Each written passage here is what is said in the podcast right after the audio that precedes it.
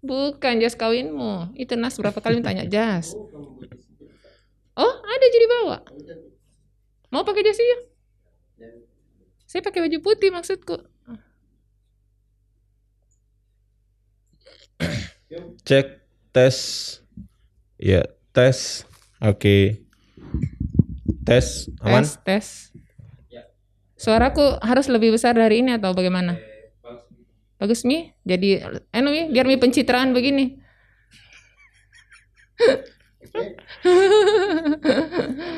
Roll, roll.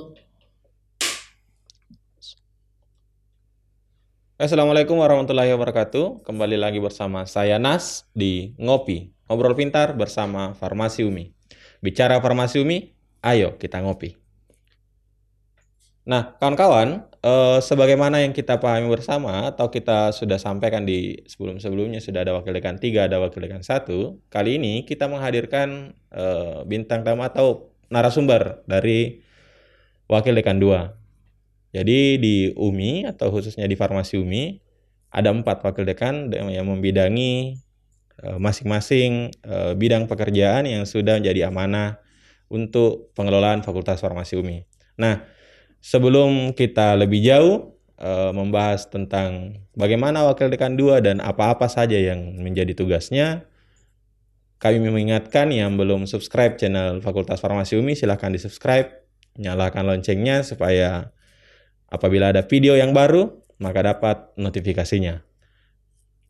Baik, mari kita mulai dengan eh, menyapa eh, Ibu Wakil Dekan 2, Ibu Apoteker Ramawati Ningsi, MKes. Bagaimana kabar, Bu? Ya. Alhamdulillah, sehat-sehat. Bagaimana Kakak Nes? Ya, alhamdulillah.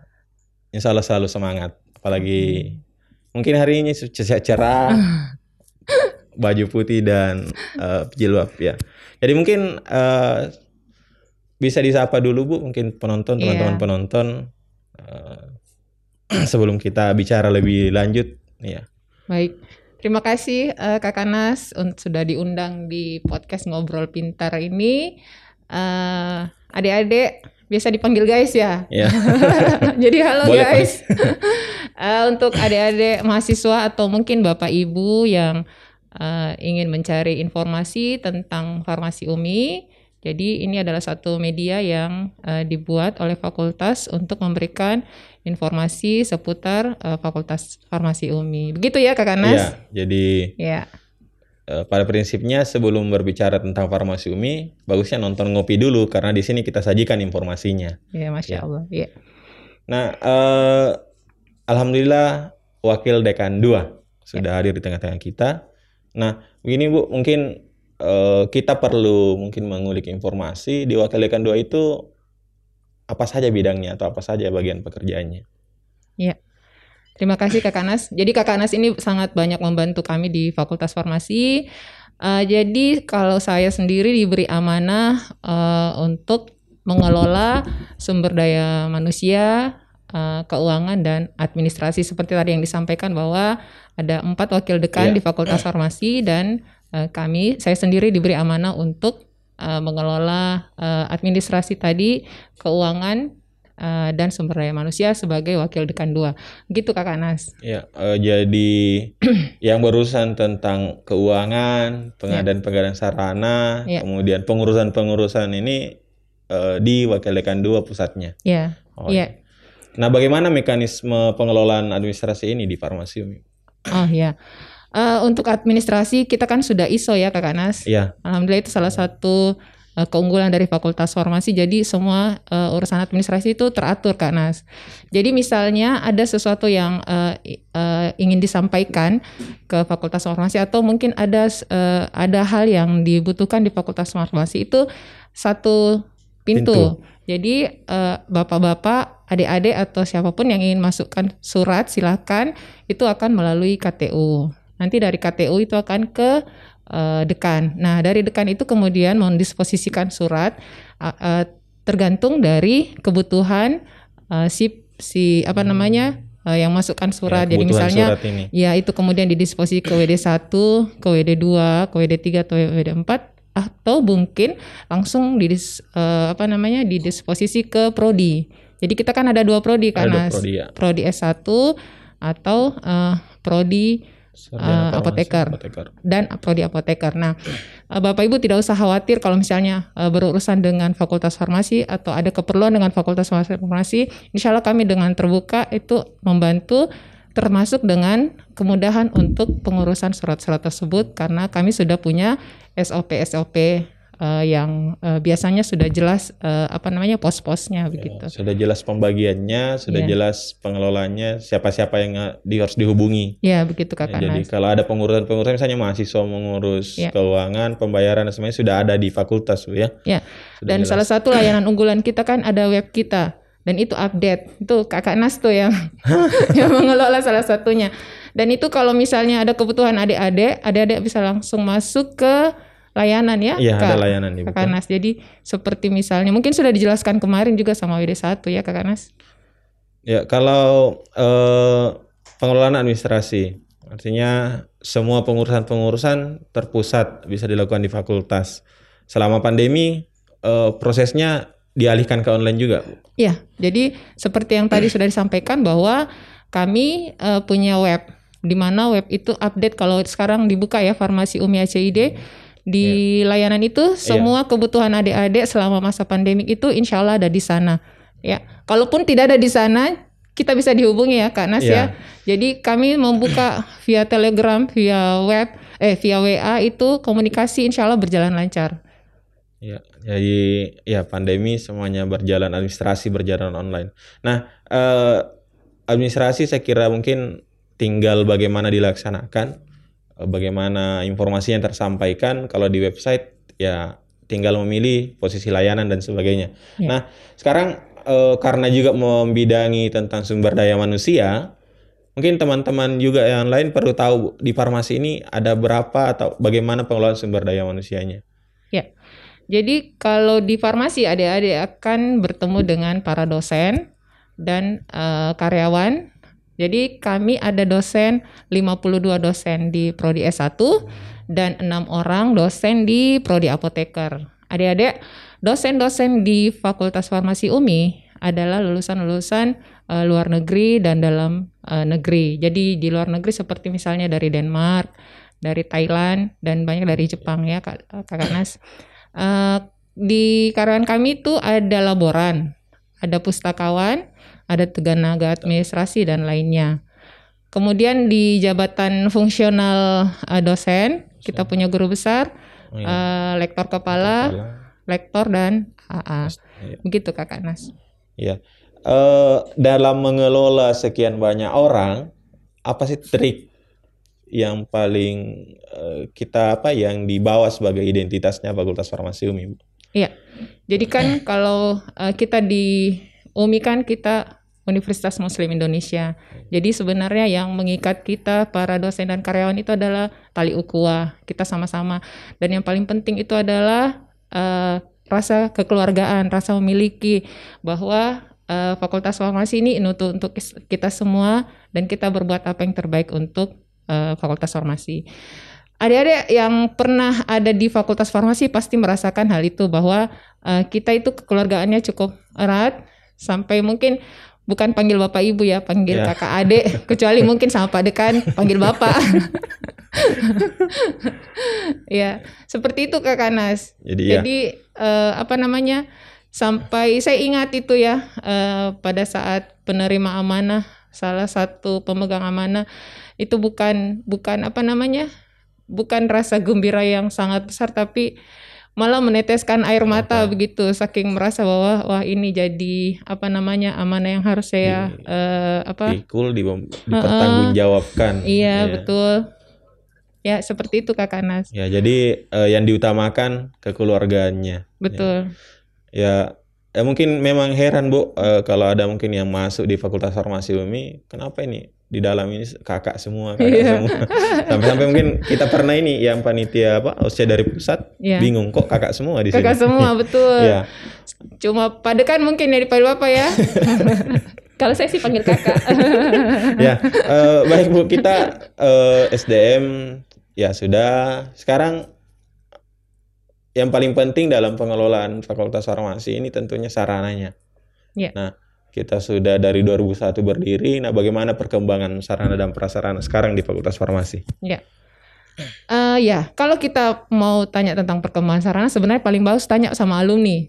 Ya. hmm. Karena kalau misalnya nanti kan ada podcast kalau nggak salah ya untuk ya, alumni, ada alumni. mereka yang masuk dalam sekarang ini pasti bilang, wih, besarnya mi atau wih, bagusnya mi begitu. Dan itu memang eh, salah satu prioritas di semua pimpinan ya, baik yang sebelum eh, periode ini. periode ini di Prof Tajuk di Pak Rahmat Kosman itu kita semua bahwa eh, kita semaksimal mungkin bisa memenuhi semua kebutuhan untuk eh, apa tadi eh, Tridharma perguruan tinggi itu Tinggi. bisa terlaksana eh, pendidikan pengajaran Ya. dan pengabdian eh, apa namanya kemudian anak-anak terpenuhi eh, kebutuhannya selama untuk eh, masa pendidikan mereka. Ada satu yang paling eh, khas bisa Anda temui di Fakultas Farmasi itu air isi ulang. Jadi Oh, seperti iya, ini iya. ya. Eh, jadi eh, kita salah satunya meminimalkan sampah yang ada di eh, sekitar eh, fakultas itu eh, kita mendirikan beberapa eh, titik untuk air minum isi ulang. Jadi dosen, karyawan, mahasiswa itu sedia tumbler saja, itu air isi ulang sisa diambil. Ya itu salah satu sarana langsung yang minum. langsung minum. Iya, iya, iya. Ya. Ya, sekira ikut ikut juga berkontribusi di kampanye lingkungan ya Betul. untuk Go green. go green Ya. yang mengurangi sampah-sampah plastik. Ya. Jadi eh, yang apa yang berkunjung ke Fakultas Farmasi jangan lupa bawa tumbler. Kalau haus tinggal buka keran. Buka keran. Iya. Iya. Eh, karena kita sekarang sudah lebih satu tahun di masa pandemi. eh, kalau sarana tadi, alhamdulillah sudah berkembang. Bahkan mungkin di setiap lab sudah punya alat-alat yang canggih untuk penelitian dan eh, praktikum. Nah, selama masa pandemi, eh, apa yang dilakukan? Apa dukungan-dukungan sarana dari Fakultas Farmasi UMI untuk menunjang eh, pembelajaran tetap eh, apa efektif? Ya, saya kira apa-apa yang diberikan oleh fakultas untuk efektifnya pembelajaran selama pandemi, Bu. Iya. Tentu saja fakultas menjawab tantangan itu ya karena karena pembelajaran harus tetap berjalan meskipun di masa pandemik ini. Jadi ini salah satu ruangan yang kita eh, desain kita buat eh, apa namanya di masa pandemik ini.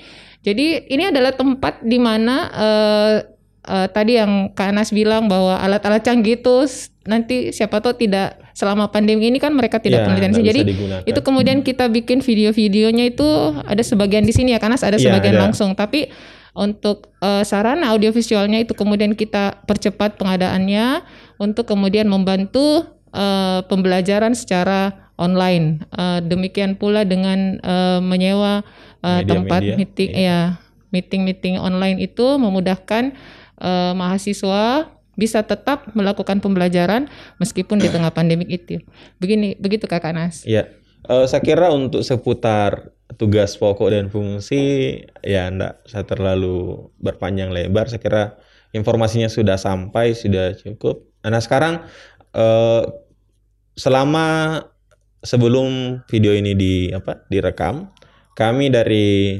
panitia di sini pelaksana untuk podcast ini menyebar flyer bahwa yang akan diundang adalah wakil dekan 2. Kemudian kami minta pertanyaan dari audiens. Apa-apa sih pertanyaan yang muncul selama apa yang akan disampaikan ke Wakil Dekan 2. Nah, mungkin ada banyak sekali pertanyaan yang masuk. Mungkin kami pilih-pilih yang mana yang uh, bisa atau bidangnya Wakil Dekan 2 untuk menjawab. Karena ada juga yang bertanya tentang bagaimana prestasi mahasiswa, bagaimana uh, apa program uh, kampus Islami dan sebagainya. Tapi khusus untuk Wakil Dekan 2 kami sudah pisahkan beberapa pertanyaan yang mungkin paling umum dan Siap. tidak eh, tidak semua ya yang apa prinsipnya yang kita eh, secara umum kita gabungkan dan kita kelola untuk eh, disampaikan ke Wakil Dekan 2. ya Ya mungkin salah apa dari beberapa pertanyaan itu kami rangkum setidaknya ada lima eh, pertanyaan. Semoga waktunya juga masih cukup untuk eh, ibu menjawab. Yang pertama eh, pembayaran bu, karena di UMI ini kan ada SPP, ada BPP dan PMD. Itu apa bedanya dan untuk sekarang karena momentum penerimaan mahasiswa baru, kira-kira jumlahnya berapa untuk angkatan ini? Iya. Iya. Ya, terima kasih anak Ah, Kak Kanas. Adik-adik yang berminat masuk di farmasi UMI, adik-adik eh, memang ada tiga jenis pembayaran, SPP dan BPP dan POMD. SPP komponen eh, komponen pembayaran SPP, BPP dan PMD. SPP itu cuma satu kali dibayar pas masuk eh, di tahun pertama. Jadi SPP cuma sekali, satu kali masuk eh, selama eh, menjadi mahasiswa di farmasi UMI. Sedangkan BPP itu kemudian kita bayar per semester. Eh, PMD juga dibayar per semester. Nah, untuk maba, kebijakan dari universitas, jumlah pembayaran itu adalah 23.450. Terdiri dari komponen SPP, BPP dan eh, PMD. PMD. Jadi PMD-nya 1 juta itu untuk setahun. Kemudian 22,4 setengah itu sudah termasuk eh, SPP, SPP, dan BPP. BPP. Jadi BPP di situ komponennya adalah 12 juta, itu adalah BPP selama setahun. Jadi saya Dua ulang, semester ya. ya 23,4 setengah itu komponennya adalah 1 juta itu PMD selama satu, satu satu tahun tahun. atau dua semester, BPP selama satu tahun atau dua semester dan eh, SPP. SPP. Satu kali. Hanya Oh, satu iya. kali. Hanya Jadi, satu kali. Ha-ha, jadi kalau misalnya sudah bayar 23,4 setengah itu, maka nanti di semester 3 baru kemudian membayar lagi BPP dan PMD. Iya. Iya. Nah, ada pertanyaan lanjutan eh, sama dengan teman-teman yang lain. Eh, yang pertama, eh, selama pandemi, bagaimana prosedur pembayarannya? Apakah bisa ditransfer atau ada metode lain? Iya. Eh, selama pandemi eh, di pendaftaran maba itu atau di Eh, walaupun mahasiswa maba dan lama, mahasiswa yang iya, sudah ini, Bu. di- jadi itu ada SOP-nya di web. Kalau khusus mahasiswa lama ya, Mahasiswa. ada di SOP di web, di mana di situ kami cantumkan nomor rekening. Ya, Iya. mahasiswa baru itu sepertinya ada dari universitas. Ya, ada eh, mekanismenya dari perusahaan. dari universitas. Jadi adik-adik waktu sudah eh, di kalau lihat SOP-nya, waktu setelah membayar itu kemudian mengirimkan bukti pembayarannya. Tapi tolong adik-adik ya, kalau bikin kalau memfoto atau men-scan bukti pembayaran itu tanggalnya harus jelas. Supaya Ya. bisa disesuaikan. Betul sama eh, pengirim dan validasinya kakak. Yang di atas kan ada Hmm, validasi iya. dari bank itu harus jelas pada saat. Jadi pastikan dulu bahwa ini sudah terbaca waktu di scan atau di foto Sebelum dikirim. sebelum dikirim. Hmm, ya, iya, jadi iya, iya. kami juga yang mengadministrasikan, yang melaporkan itu kemudian bisa langsung melihat oh iya tanggal Ya, sekian. lebih mempercepat proses Lebih mempercepat proses betul. Iya. Iya. Boleh diansur? Ya, jadi kebijakan selama pandemik ini kita tahu tidak semua ya. Iya. Jadi eh, dari universitas memberi kebijakan untuk itu. Jadi kebijakan eh, universitas untuk mahasiswa eh, selama pandemi boleh diansur. Ya. Tapi dengan persetujuan, tidak Iya. boleh eh, langsung-langsung bayar ansuran Iya, tanpa kalau bisa membayar eh, full, kenapa mesti Ya, diangsur? artinya Ya. dan dikomunikasikan dulu sebelum Betul. diansur. Ya. Iya. Ya, eh, kemudian ada beberapa yang apa? Yang tertinggal juga ini yang mungkin yang pertama yang semester pendek, Bu. Eh, metode pem- apa pembayarannya seperti Ya. apa? Ya. Karena ada juga ya dibuka eh, Ya. di sini PPI kalau nggak salah namanya. Ada juga Ya. pertanyaan seperti itu. Iya. Untuk semester ini sepertinya PPI sudah dibuka dan SOP-nya pun sudah kita upload di web Sudah ya, di-upload, Kakak. iya. Ada-ada yang berhubungan apa tuh pokoknya butuh informasi tentang farmasi UMI, adik-adik langsung buka saja webnya.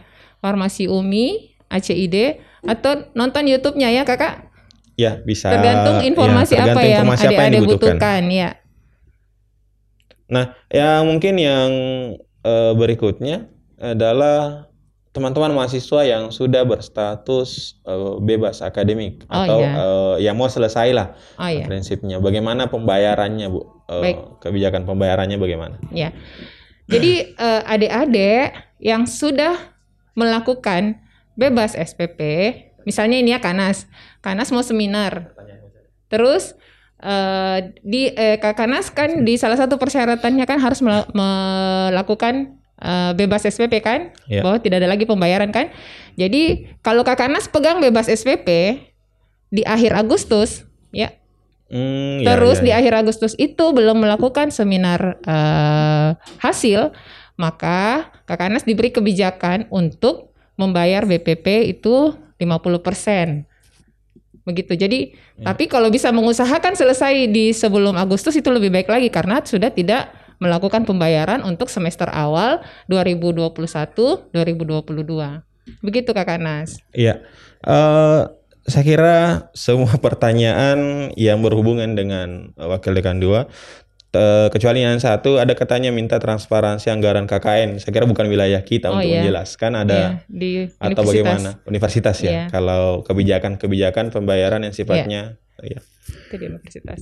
Ya, saya kira kalau yang lain lebih banyak menyapa, ada yang menyapa dari ada Kak Rahma, katanya Oh, mungkin iya. alumni kita yang eh, nonton Iya. ini. Ama, Ya, eh ya, Rahma Mustari atau Oh, Ama? bukan ada yang menyebut, ada yang menulis Kak Rahma, oh, dia menyapa. Oh gitu, oh iya iya iya. iya.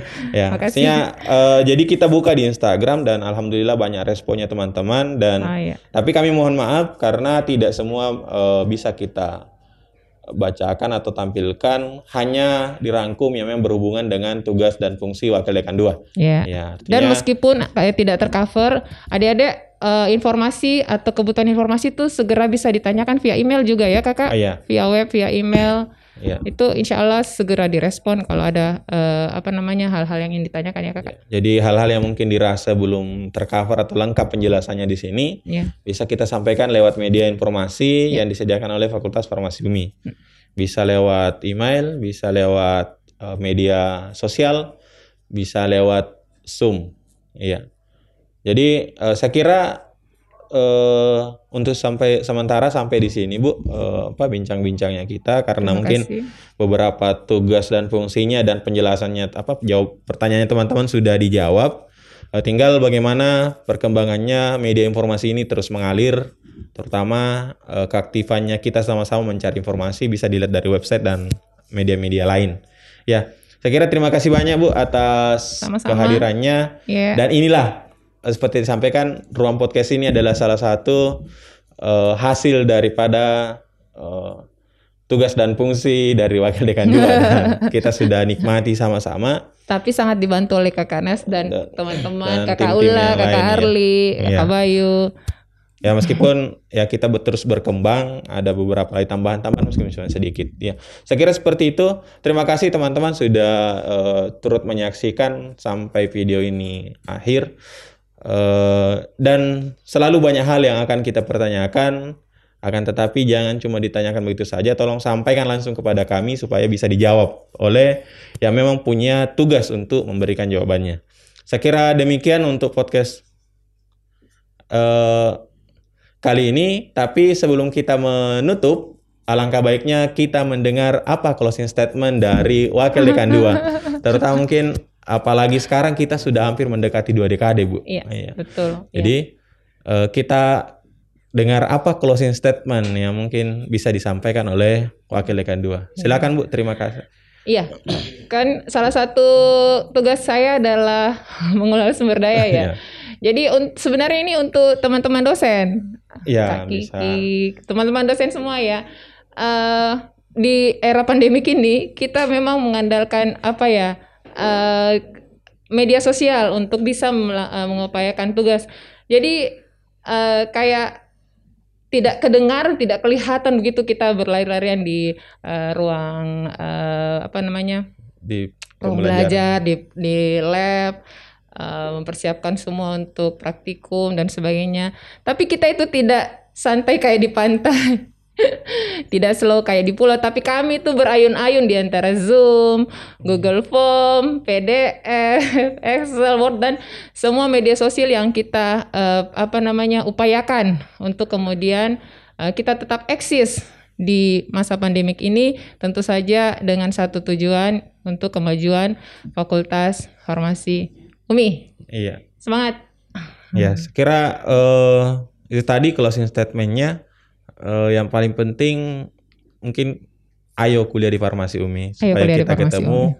dan eh, saling bercengkerama sesuai dengan dan menikmati apa yang sudah disediakan oleh Fakultas Farmasi Umi. Ya, Ya. saya kira seperti itu.